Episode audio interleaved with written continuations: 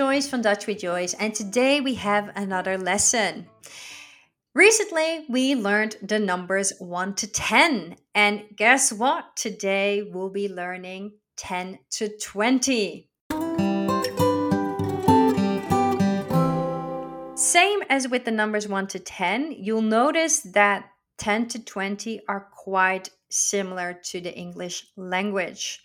They have the same quirky alternating different numbers and words for them.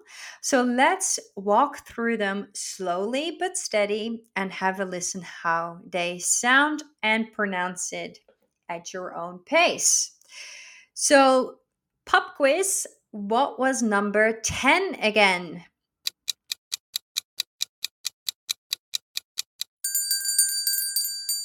Number 10 is tien because I reminded you that it sounds, or you can think of teenager. So this teen comes in handy when we say numbers like 13. But 11 and 12 are also a bit different in Dutch. So 11, I want you to think about Santa's elves. 11 is elf. 11 is elf elf. 12 is still quite similar, but I want you to try and say the A in the middle. 12. 12 is 12. And do you remember how to say 3? 3 is 3. And just like in English, we don't say three teen, we don't do that in Dutch either. But the rule of turning the th in English into a d in Dutch remains. So 13 is dertien. So not der, maar dertien. Dertien. 14 is veertien. So not veer with an e sound, but more with an a sound. Veertien. Veertien. Then from 15 onwards, all the numbers are the actual number plus 10. So 15 must be 15. 15. 16 is then 16. 16. 17 is 17. 17. 18 is achttien. Achttien. Nineteen is nineteen. Nineteen. Twenty is then a bit different and it gives you a teaser for the next lesson on numbers. With 20, I want you to think about twins. So you have two of the same. Think of twins and use that for twin. Twin tig. So the T in this case will turn into a tig, like tigger, tig. Twintig. 20 is twintig. En dat zijn de nummers 10 to 20. So let's repeat them after me in a row.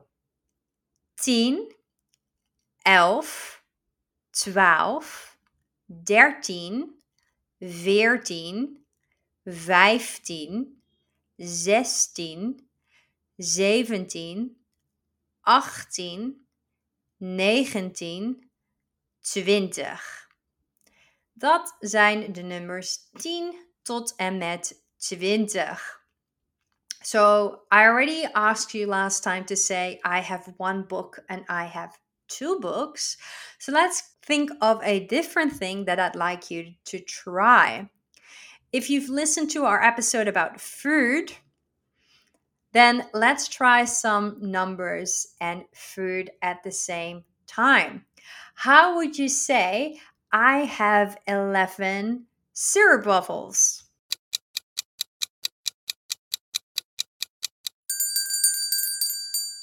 Ik heb elf stroopwafels. How would you say, I have 13 meat sausages, the fried ones.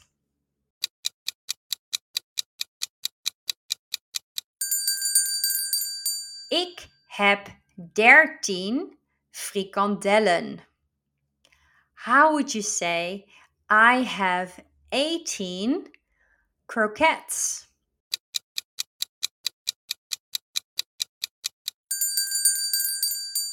Ik heb 18 kroketten. And how would you say I have 20 lollies?